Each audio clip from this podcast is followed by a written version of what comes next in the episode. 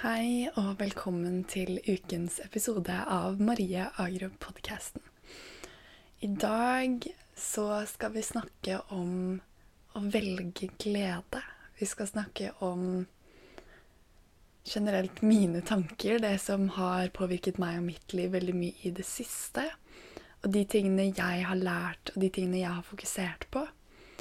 Fordi ofte når jeg lager en podkast-episode, så vet jeg sånn at nå skal jeg snakke om dette, og så, jeg, så tenker jeg gjennom, da Hva er det folk trenger å vite innenfor dette temaet for at det skal gi mening, rett og slett?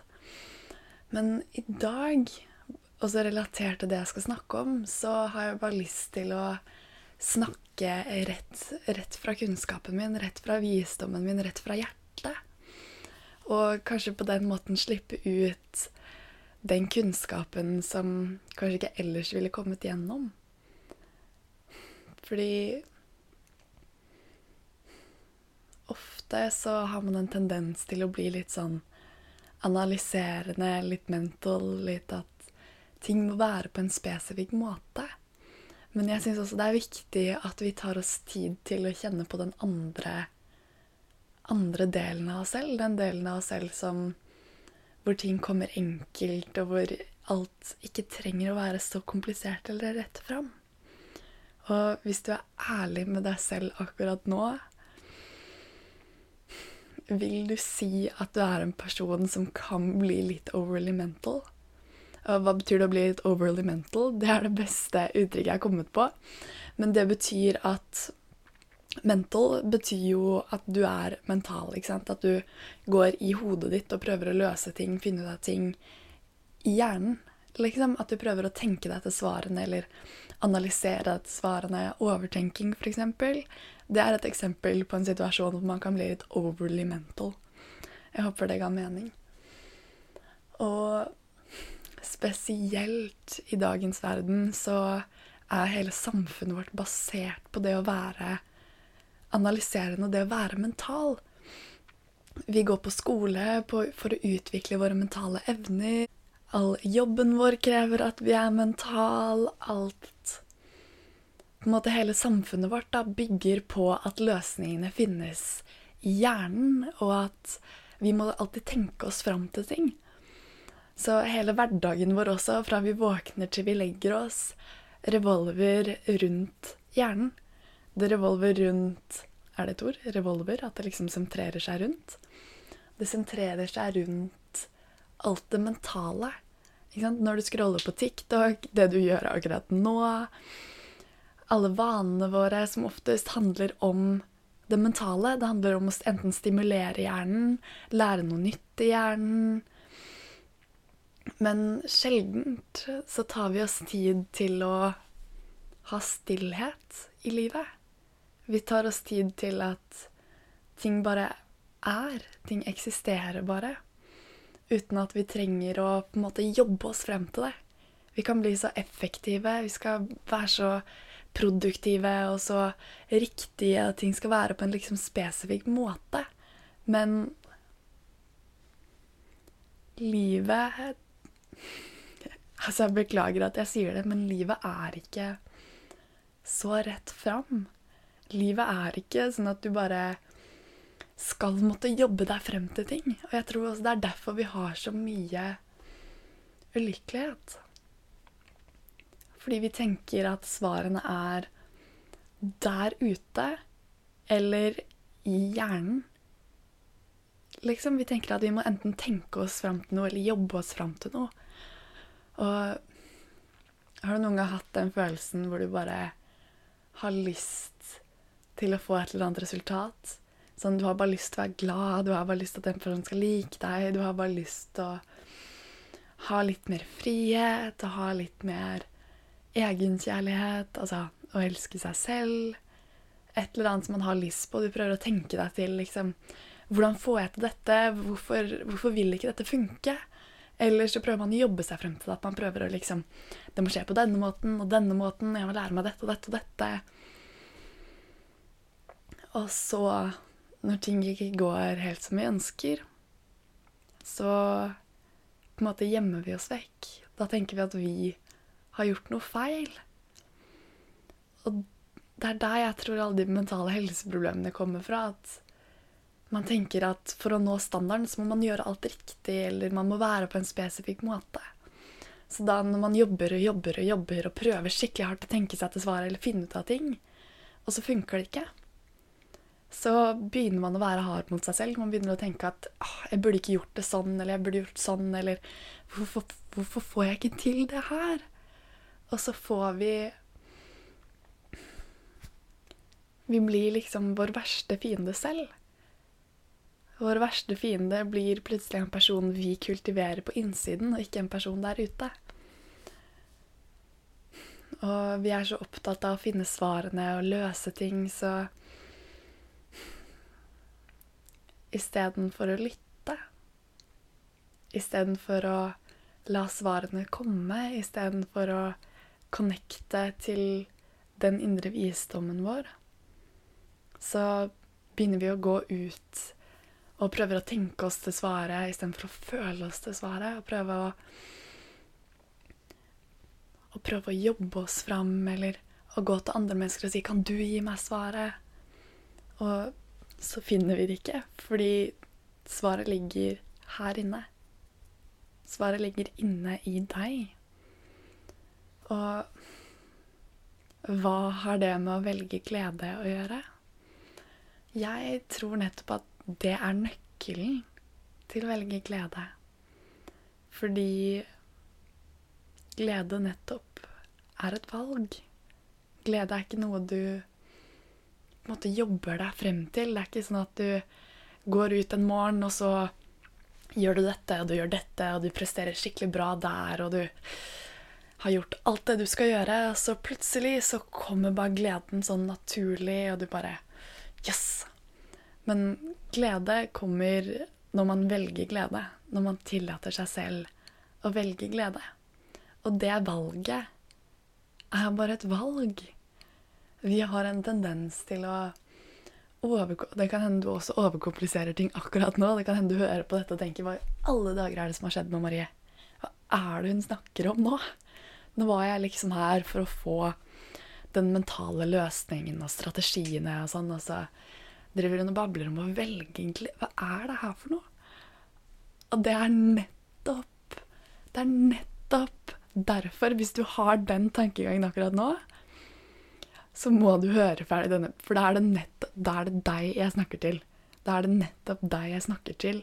Samtidig som at hvis du er på den andre siden av spekteret, du tenker at åh, endelig, det her er det jeg har trengt å høre. Liksom, nå faller brikkene på plass. Og selv om jeg ikke helt har skjønt poenget ennå, så bare merker jeg at liksom Dette budskapet kaller på meg. Dette her er det noe Noe som jeg trenger å høre. Og det skal jeg høre nå. Uansett om du er på den ene siden eller på den andre siden, så snakker jeg til deg. For dette budskapet det er en veldig essensiell brikke som jeg føler vi har en tendens til å bare glemme og bare legge bort. Fordi vi liker skal jeg si noe kontroversielt. Og det er at vi liker problemene våre. Vi liker, vi liker problemene våre. Vi liker at ting er komplisert. Vi liker at ting på en måte er vanskelig. Fordi når ting er vanskelig, så har vi også muligheten til å få til noe. Når vi har et problem, så har vi muligheten til å løse det. Så derfor driver vi og skaper problemer. Vi driver og putter oss selv i en virkelighet hvor alt er komplisert. For da har vi muligheten til å løse ting, og da kommer vi over utfordringer som gjør at Oi, dette kan jeg løse. Og så føler vi oss bra. Og det, så det er først når vi har på en måte fortjent glede, at vi lar oss selv velge glede. Henger du med? Hvis du hvis du er et sted, ikke i offentligheten, hvis du er alene, og dine norske tendenser er OK, vi må løfte opp hånda, løft opp hånda. Henger du med? Og hvis du ikke henger med, så er det sånn kommentarfunction. Du kan bare stille spørsmål, jeg svarer på de. Du kan også sende meg en DM på Instagram sånn anytime hvis det er noe som helst som du på en måte ikke skjønner, eller det er et eller annet budskap du vil høre mer om det er bare å si ifra. Samme hvis du har noen tilbakemeldinger. For den episoden her handler rett og slett bare om at jeg snakker fra hjertet. Det handler om at du får et innblikk i hvordan min tankegang er. For jeg vet at hvis dette har vært løsningen på mange av mine problemer i det siste, og dette har vært en åpenbaring som har fått meg nærmere der jeg ønsker å være, så kan jo det ha samme effekten for deg også. Og det er derfor jeg har lyst til å dele bare rett fra hjertet. Fordi vi er Vi er det vi omgås med. Og hvis du kan omgås med mitt tankesett og mine på en måte åpenbaringer, så kan det hende de kan ha den samme effekten på deg, kanskje, enda, kanskje til og med en enda bedre effekt enn det det har hatt på meg. Og den gaven, den har jeg lyst til å gi videre. Så dette med å velge glede er et valg vi ikke egentlig tror vi fortjener. Eller rettelse. Det er et valg vi tror vi må fortjene.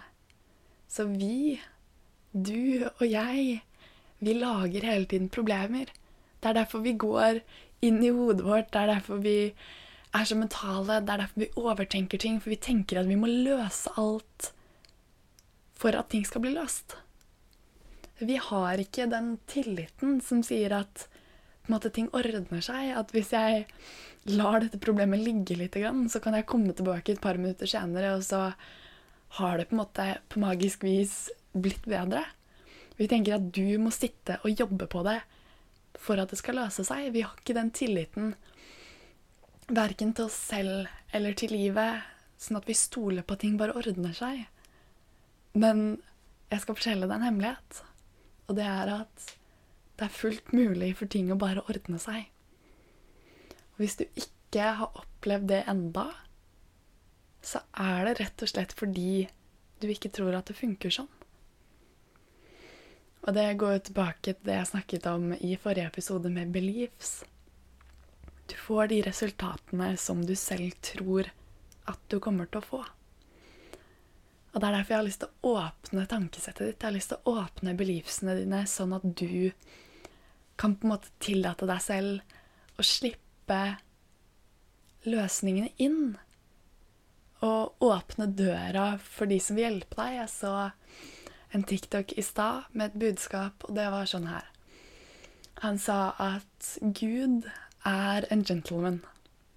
Gud kan stå på utsiden av døra di og banke på og sier at liksom, 'Marie, slipp meg inn. Jeg ser at huset ditt brenner. Jeg har lyst til å hjelpe til.'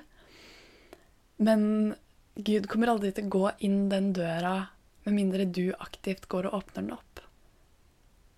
Ikke sant? Gud har lyst til å ta Og nå snakker jeg om Gud sånn personlig. Jeg tror ikke på den kristne versjonen av Gud. Jeg tror ikke på noen sånn religionsversjon av Gud, men jeg er veldig glad i budskapene til Gud. Jeg er veldig glad i den måten folk lærer bort ting på når de snakker gjennom Gud. Fordi selv om jeg personlig ikke tror på liksom den versjonen av det høyere der oppe, så har folk Man har en slags power source. Da. Det er noe som er høyere når man går ut av seg selv og man connecter med noe som er mer.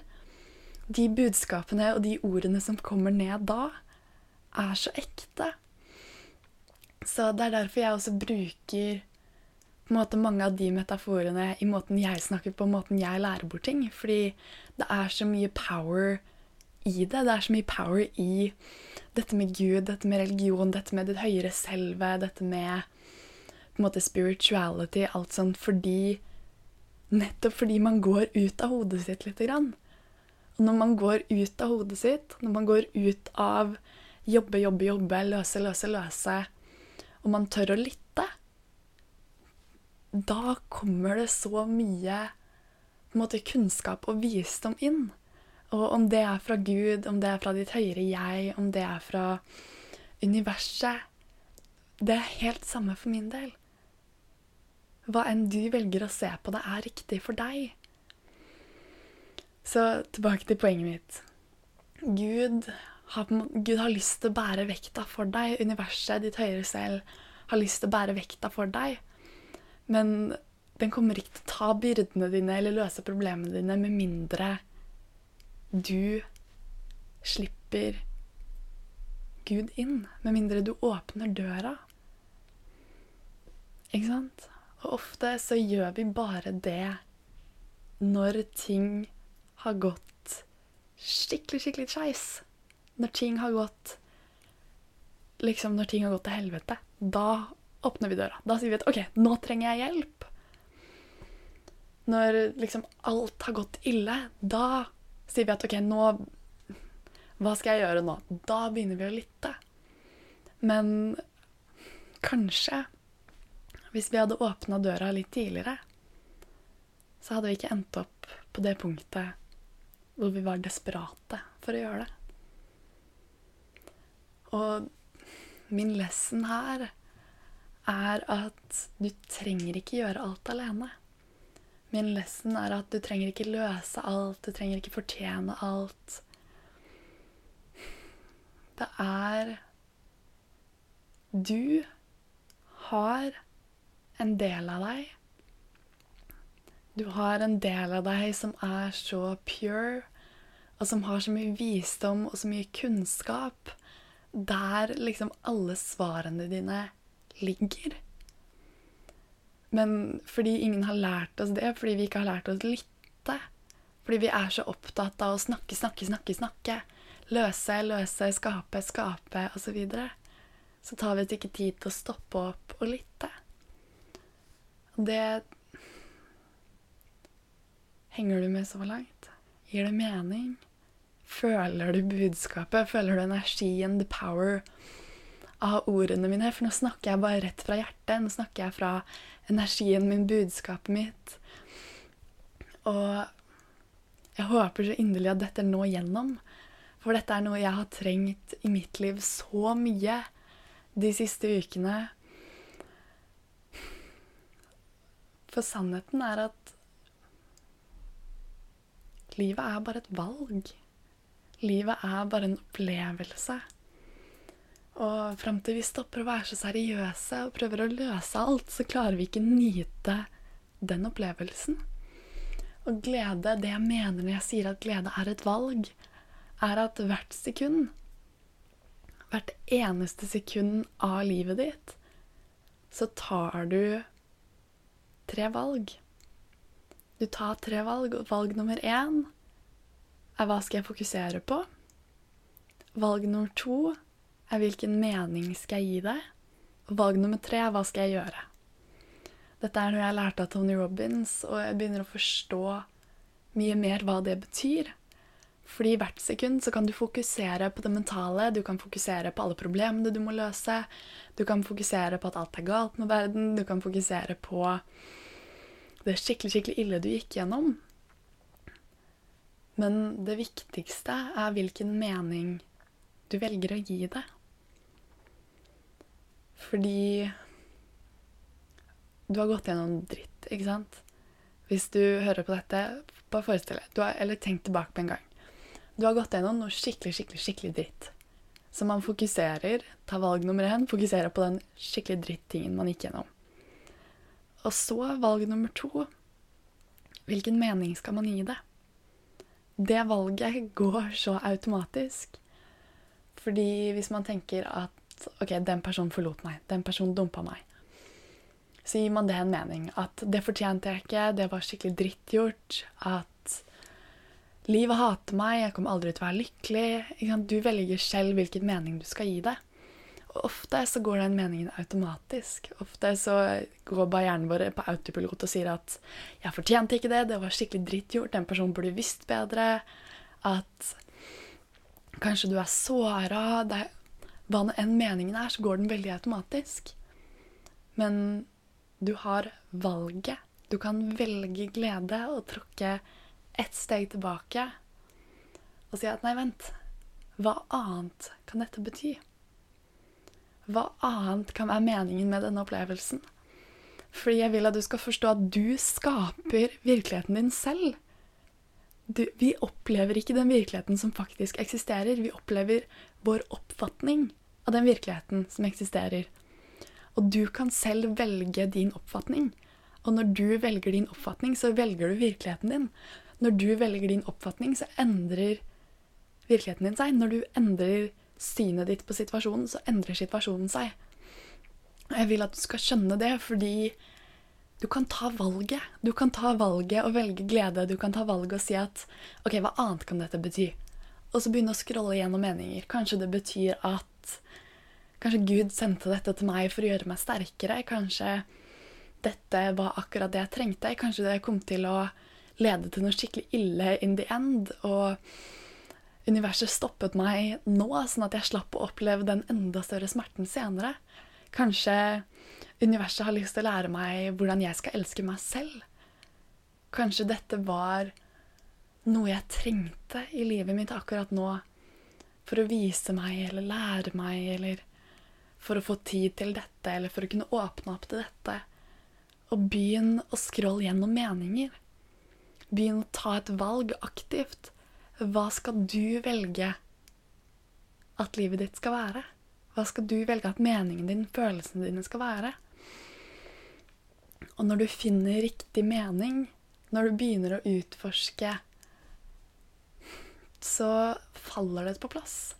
Når du finner meningen som er din, så kommer du til å ha et aha-øyeblikk. Fordi dette er sånn jeg håndterer alle problemene mine. Og det er OK, noe ille skjer. Og så er min første reaksjon awareness, til stedeværelse, gå opp for meg. OK. Så går jeg først litt mental, fordi autopilot, min første autopilot, er gå mental. Og så blir jeg aware over mønsteret mitt. Og det tar kanskje et par minutter. Og så Noen ganger så kan det ta lenger. Det spørs hvor stor på en måte, hendelsen er. Men så blir jeg aware. Jeg tar et skritt tilbake og begynner å tenke ok, hva annet kan dette bety. Og så begynner jeg å scrolle gjennom meninger. Jeg begynner å, ok, Kanskje det betyr dette, kanskje det betyr dette. Kanskje meningen er dette eller dette. Og jeg begynner å aktivt tenke over meninger. Og etter jeg har tenkt litt, som fortsatt er litt mental, så pleier jeg å ta meg selv enten så pleier jeg å ta en pause. Jeg pleier å måtte gå ut av hodet mitt og velge å skrive ned. Enten ta en notatbok og bare skrive ned alle tankene mine. For å på en måte slippe de ut. For å la meg selv connecte med meg selv og ikke bare hodet. Eller så begynner jeg å snakke med noen. Jeg snakker om hva som skjedde med noen, sånn at vi kan snakke om meninger sammen. Alt dette handler om å ta meg selv ut av hjernen min og la meg selv snakke fra kjernen min, ikke sant? Og den tredje muligheten er at jeg bare lar det Jeg gir det. Jeg åpner døra. Jeg gir det til universet, jeg gir det til Gud, jeg gir det til mitt høyere selv, kall det hva du vil. Og så tar jeg en pause. Så sier jeg at jeg vet at dette kommer til å ordne seg. Så trer jeg tilbake, og så velger jeg glede. Så har jeg det gøy. Så er jeg med vennene mine, kanskje jeg setter på litt musikk, danser for meg selv på rommet mitt. På en måte bare slipper energien min løs, la meg selv slappe av. Og stoler på at Gud, universet, mitt høyere selv jobber underbevisstheten din, kanskje. Jobber på den meningen mens du jobber på gleden din. Og så, når du er klar, når de er klar, når de er ferdig, når underbevisstheten din, igjen kall det hva du vil, har funnet en mening, så blir det returnert til deg. Da plutselig så får du et aha-øyeblikk og bare sånn Å, det er dette dette betyr. Eller dette var meningen, eller det var dette jeg skulle skjønne fra dette. Men du trenger ikke alltid vite meningen med en gang. Gi det til universet. La, la det marinere, la det ligge der, og stol på. Velg å stole på at det ordner seg. Lær deg å gi slipp. Lær deg at du ikke trenger å være så mental. At du trenger ikke vite alt. Du trenger ikke vite svarene på alt med en gang. Du trenger ikke finne ut av alt. La det komme. La det komme når det er på tide at det kommer. La det komme når du er klar for det. Fordi igjen, hvis jeg skal, jeg skal snakke om Gud Du, der du er akkurat nå, du ser ikke det større bildet. Ditt høyere selv ser det større bildet. Gud ser det større bildet. Universet ser det større bildet. Så selv om du ikke vet hva det neste steget skal være, selv om du ikke vet at denne gropen leder til en magisk undergrunnshule hvor alle drømmene dine er, selv om du ikke vet hva som er meningen akkurat nå, så må du stole på at de som vet, den delen av deg som vet, putte det her av en grunn. Og den tilliten, når du begynner å ha den tilliten, så lar du deg selv også gå videre. Fordi Forestill deg dette. Hvis du har falt ned i den gropa Hvis du har falt ned i den gropa, du er et mørkt hull.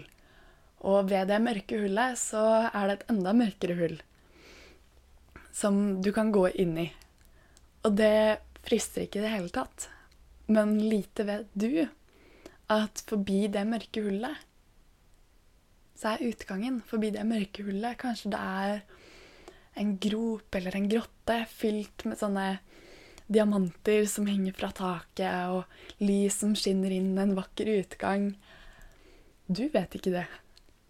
Men ditt høyere selv vet det. Gud vet det. Og hvis du ikke har tillit, hvis du prøver å løse alt, så vil reaksjonen når du faller ned i det hullet, reaksjonen vil være å se opp på liksom lyset over deg der hvor du datt ned. Da tenker jeg jeg må tilbake dit. Jeg må prøve å løse dette. Jeg må finne en stige. Jeg må Jeg må finne noe, liksom. Jeg må løse dette. Jeg må komme meg opp. Må, og så får man helt panikk, og så begynner man å gi det meninger. Man prøver å løse ting. Man blir helt mental. Kanskje man ringer noen bare som Hva skal jeg gjøre? Jeg er et hull liksom. Og så får du råd. Finn en stige, jeg skal komme og hjelpe deg opp. Og så er man nedi det hullet, og alt man tenker på, er hvordan man kan komme seg opp. Man tenker på den første meningen man gir, ikke sant.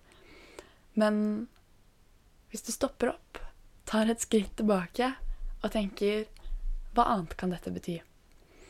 Og istedenfor å se opp der du falt ned, istedenfor å se på hvordan ting burde vært, eller hva som skal være løsningen, så stopper du opp nede i det hullet og tenker Hva annet kan dette bety? Og du trer ut av fordommene dine, hjernen din, det som burde være løsningen, det som burde være åpenbart. Og du ser deg rundt, og du har tillit. Og du ser Du snur deg, og du ser det mørke hullet. Og selv om hjernen din sier nei ikke i det hele tatt at vi skal inn der. Hjernen din sier at 'hallo, lyset er her oppe'. Vi skal opp mot lyset. Vi skal opp der vi falt ned. Hjernen din sier helt åpenbart at det der er ikke løsningen.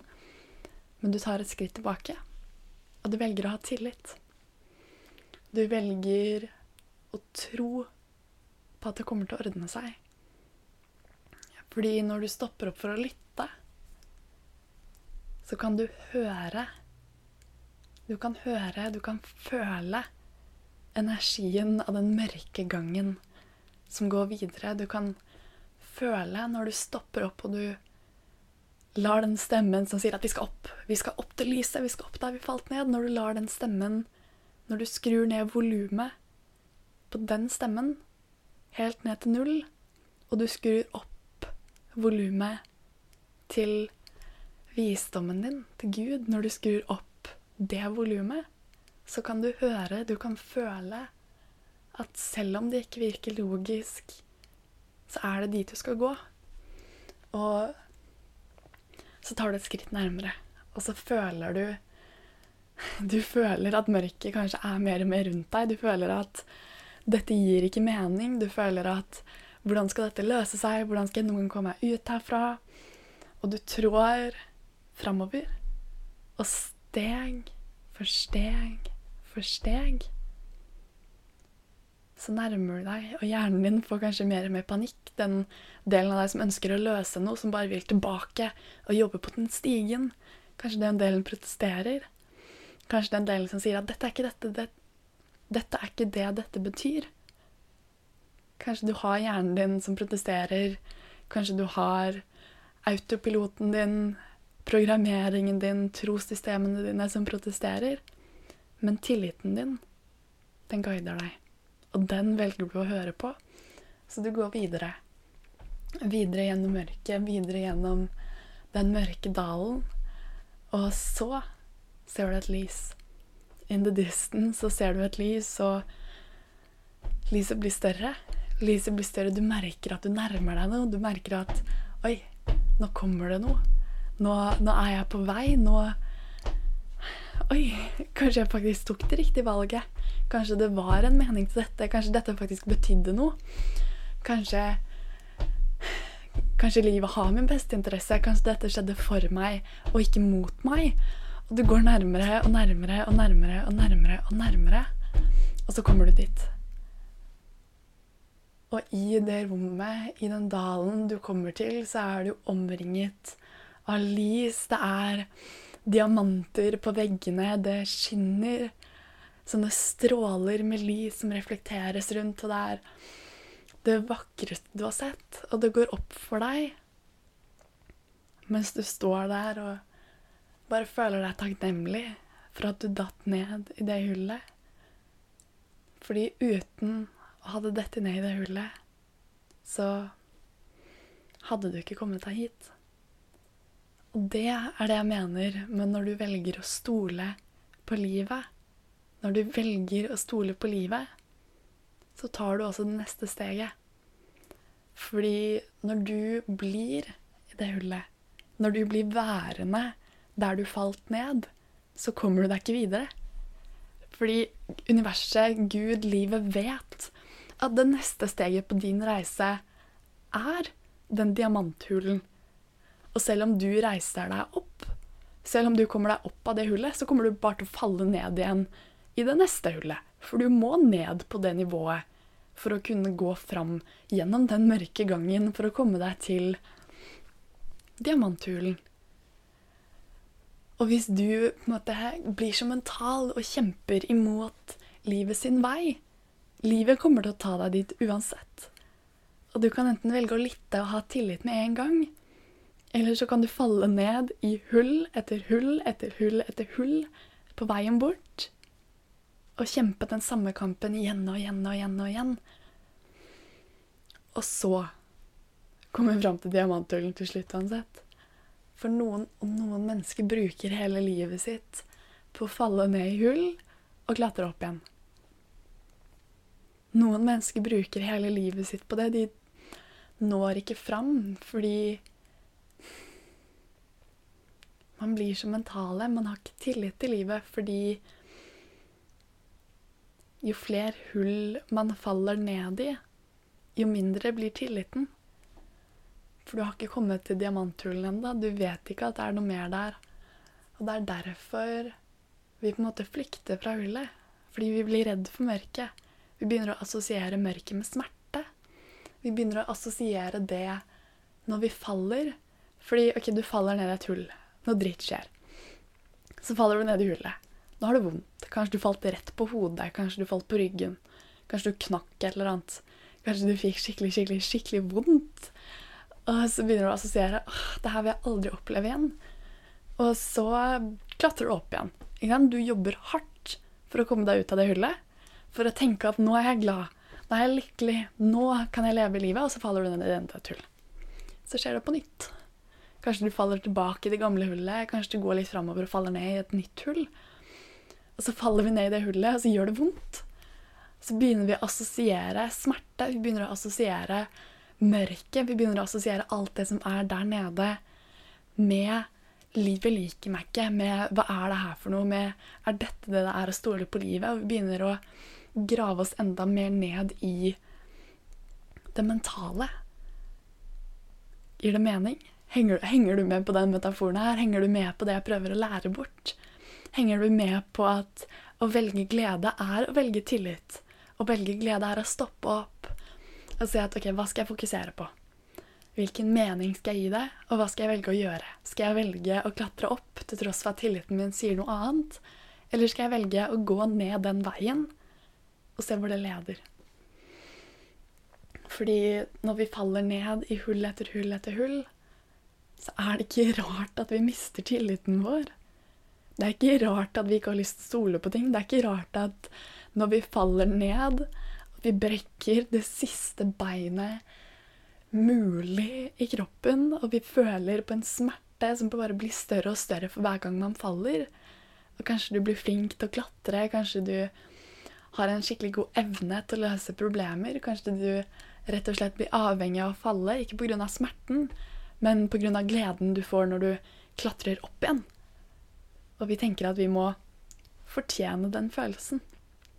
Vi tenker at den følelsen vi får når vi klatrer opp, opp fra hullet, og vi står der på toppen, på toppen av hullet, på vei videre, så tenker vi at yes, jeg klarte å klatre opp fra enda et hull. Ja, jeg er en mester. Og vi tenker at glede må være sånn. Vi tenker at for å være glade, for å være lykkelig, så må vi falle ned et hull for å klatre opp igjen. Men kjære deg, det kan bety noe annet også. Det kan være noe mer der.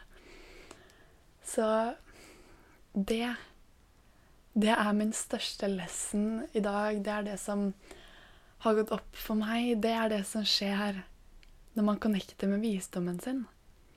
Sånn som nå, for eksempel. Et eksempel rett Henger du med så langt, forresten?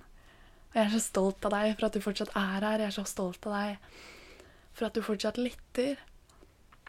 Og jeg vil Akkurat nå, før jeg går videre, så vil jeg at du skal ta deg tid til å connecte med din tillit. Jeg vil at du skal stoppe opp. Jeg vil at du skal pause meg nå snart. Hvis du er i en tilstand eller et sted hvor du har muligheten til å pause og skrive litt, hvis du kjører en bil f.eks., så er ikke det en god idé. Jeg må bare spesifisere det hver gang jeg sier dette. Gjør det et sted hvor du kan sitte in peace, alene, eller i hvert fall uten forstyrrelser, kanskje, og skriv ned hva er et område av livet mitt hvor jeg må ha mer tillit? Hva er et område av livet mitt jeg ha, hvor jeg må ha mer tillit? Og det andre spørsmålet er hva er en ting jeg har opplevd som det er på tide å gi en ny betydning til? Fordi tingene Jeg tror at selv om en del av deg går videre selv om en del av deg går videre fra den opplevelsen eller fra den tingen som du opplevde som du ikke ville oppleve, så er det fortsatt en del av deg som fortsatt sitter i det hullet og er sur for at du falt ned. Det er fortsatt en del av deg som gikk gjennom den opplevelsen, og du vet hvilken opplevelse jeg snakker om. Du vet det. Det kan hende det er et eller annet fra barndommen din, det kan hende det er en kommentar noen sa, det kan hende det er en gang noen bestemte over deg når du ikke ville bli bestemt over. Det kan hende det var noen gang noen kjefta på deg. Det kan hende det er at noen døde. Hva enn det er. Grunnen til at du ikke har gått videre fra det, grunnen til at den tingen fortsatt sitter i hjertet, er fordi en del av deg fortsatt sitter i det hullet. Det er fordi en del av deg fortsatt sitter der og venter på å bli ledet videre inn i riktig betydning. Det er en del som vet at den ikke skal klatre opp fra det hullet, at løsningen er der nede. Og fram til du tillater deg, tillater den delen å finne riktig mening, riktig betydning, så får ikke den delen gått videre. Og det er det tilgivelse er. Det er det tilgivelse er. Hør på det en gang til. Det er det tilgivelse er. Tilgivelse er å gi noe en betydning som lar deg gå videre. Fordi hvis ikke, så har du et tau festet til det hullet som du har festa til deg. Og fram til du tilgir hvem enn som dyttet deg ned dit, så får du ikke muligheten til å gå ut derfra. Ikke sant? Så derfor er spørsmål nummer to hva er en hendelse som du må gi en ny betydning til? Og spørsmål nummer tre er hva kan være en betydning, eller hvilke betydninger kan dette ha? Og bare reflekter litt. Bare la deg selv connecte med visdommen din. Og skriv. Skriv fra tillit. Skriv fra tillit, og ikke fra hjernen, ikke fra det mentale, ikke fra på en måte, måten vi gjør ting på nå. Bare skriv fra tillit. Skriv fra kjernen. OK? Skriv fra kjernen, ikke fra hjernen. Mm -hmm. Ja? OK, paus meg. Har du pausa meg? Paus. Hvis du ikke har gjort det Du får ikke lov til å gå videre før du gjør den oppgaven. Eller du får så klart lov. Men jeg vil at du skal få mest mulig ut av disse episodene. Og måten du gjør det på, er at du deltar fullt ut. Måten du gjør det på, er at du har tillit. Selv om hjernen din sier at 'nei, dette her trenger vi ikke'. Ha tillit. OK. Strålende. Har du gjort oppgaven? Å, jeg er så stolt av deg. Jeg er så stolt av deg. Jeg har så mye glede og takknemlighet. Fordi bare det at du er her, bare det at du tar deg tid til å jobbe på deg selv og forbedre deg selv, gjør verden litt bedre. Fordi alt verden er, er jo energi. Det sånn, rent naturvitenskapelig så er jo alt er energi, og energi forsvinner aldri etter min mening, så påvirker energi hverandre. Så hvis du har en type energi, en type del Se for deg at du varmer opp vann. Ikke sant? Se for deg at du varmer opp vann. Selv om varmen, energien, er høy i bånn, og energien er lav på toppen, sånn over vannet. Du har plata, stekeplata, den er varm, den har høy mengde energi. Mens over vannet luften over vannet, der er det kaldt. Men fordi den høye energien i bånn hele tiden sender ut varme, sender ut energi, sender ut en energi med høyere frekvens, høyere energimengde, så vil jo molekylene i vannet, de som er nederst, vil jo begynne å bevege seg. De vil begynne å riste enda mer. Når, er, når vann er is, når H2O er i isform, så ligger molekylene tett inntil hverandre, og de vibrerer lite grann. Når det blir vann, så er de litt lenger fra hverandre, og så vibrerer de litt mer. Og når det blir til gass, da har molekylene kjempemye energi. Da spretter de rundt omkring og har masse energi. Og måten de gjør det på, er at de får energi fra noe annet. Ikke sant? Energi smitter. Hvis jeg nå er stekeplata, og du er vannet, og jeg har masse energi. Jeg har en høy vibrasjon, ikke sant? Forestill deg molekylene som flyr rundt i en kjempefart som vanndamp og har kjempemye energi, kjempehøy energi. Og da vann hvis jeg, har, hvis jeg er varme, hvis jeg har høy energi, så vil jeg overføre den varmen og den energien til det vannet. Som da vil gå over til damp og få høy energi, det også. Gjør det mening? Og jeg føler vi som mennesker også er sånn. Energi smitter. Så hvis du har vann, og du putter det i et miljø som er kaldt, så vil det fryse til is. Hvis du har kokende vann, og du putter det i et miljø som er kaldt, så vil det avgi litt varme, sånn at det kalde blir litt varmere. Men det vil også selv bli kaldt.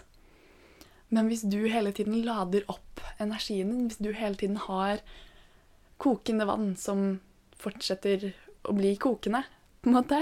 Hvis du har kokende vann som har en varmekilde i midten som gjør at vannet hele tiden koker, så vil jo den varmen avta og begynne å varme opp det rundt. Fordi energi smitter. Så det at du er her og jobber på deg selv, det jeg mener med at det gjør verden litt bedre, er fordi du øker din energi. Og da mener jeg ikke nødvendigvis energi som i at du kan hoppe og løpe 400 meter. Da mener jeg energi som i på en måte vibrasjon. At når du er trøtt, når du er sliten, når du har en negativ følelse, så har du en lav vibrasjon. Da har du også lite energi. Og så når du får bedre følelser, når du har Kanskje du er stolt, og så begynner du å få enda bedre følelser. Du er glad, og så begynner du å få enda, enda bedre følelser. Du er enlighten, du har en åpenbaring. Og da har du plutselig kjempemye energi. ikke sant? Du merker at når du er glad, så har du mye energi.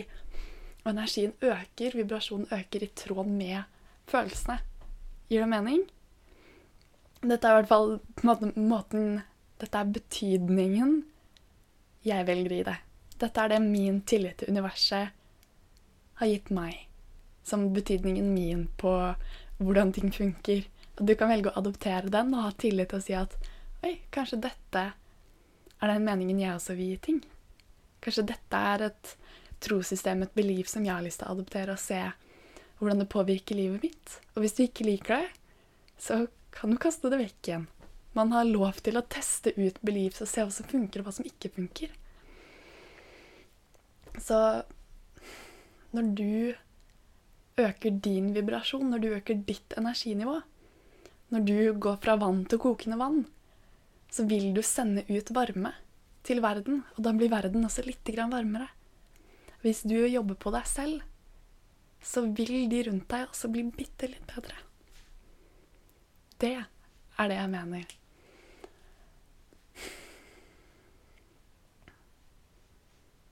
Det er også Det er nøkkelen til så mye. Det er sånn man har energi. Man velger å sette på stekeplata. Man velger å Fordi vannet ditt Hvis du er vann, hvis energien din er vann, hvis vannet ditt begynner å bli kaldt fordi du gjør ting, du beveger på deg, du gir energi til de rundt deg, og plutselig så er vannet ditt kaldt. Da har du kaldvann. Måten vannet ditt blir varmt igjen, er at du setter kjelen, du setter deg selv på en power source.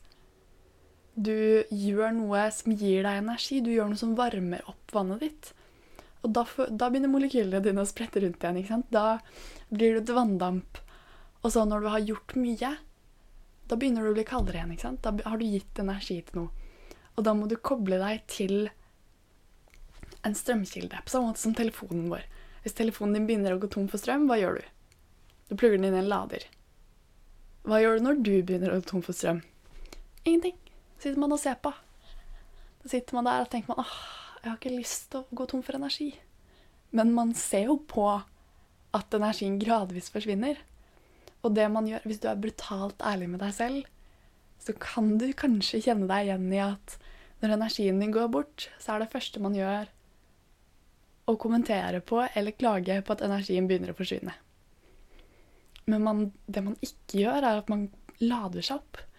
Det som er løsningen, er jo å connecte til en strømkilde. Og det er så viktig å på en måte ha fokus på de tingene her. Så det var egentlig det jeg hadde lyst til å dele med dere i dag. Det var det visdommen min sa at dette er det jeg må snakke om. Å velge glede og connecte til din power source, og la deg selv velge tillit over hva enn annet. Og la deg selv velge å lytte til kjernen istedenfor hjernen. Det var temaet i dag. Jeg håper så inderlig at du fikk noe ut av det. Og oppgaven din Oppgaven din de neste 24-48 timene er å velge først 24 eller 48. Ok, bra valg. Og så velge å ha mer tillit. Velge aktivt. Hva skal jeg fokusere på? Hvilken betydning skal jeg gi det, og hva skal jeg gjøre? Og ta det valget bevisst. Det er din homework. Det er din utfordring etter denne podkasten.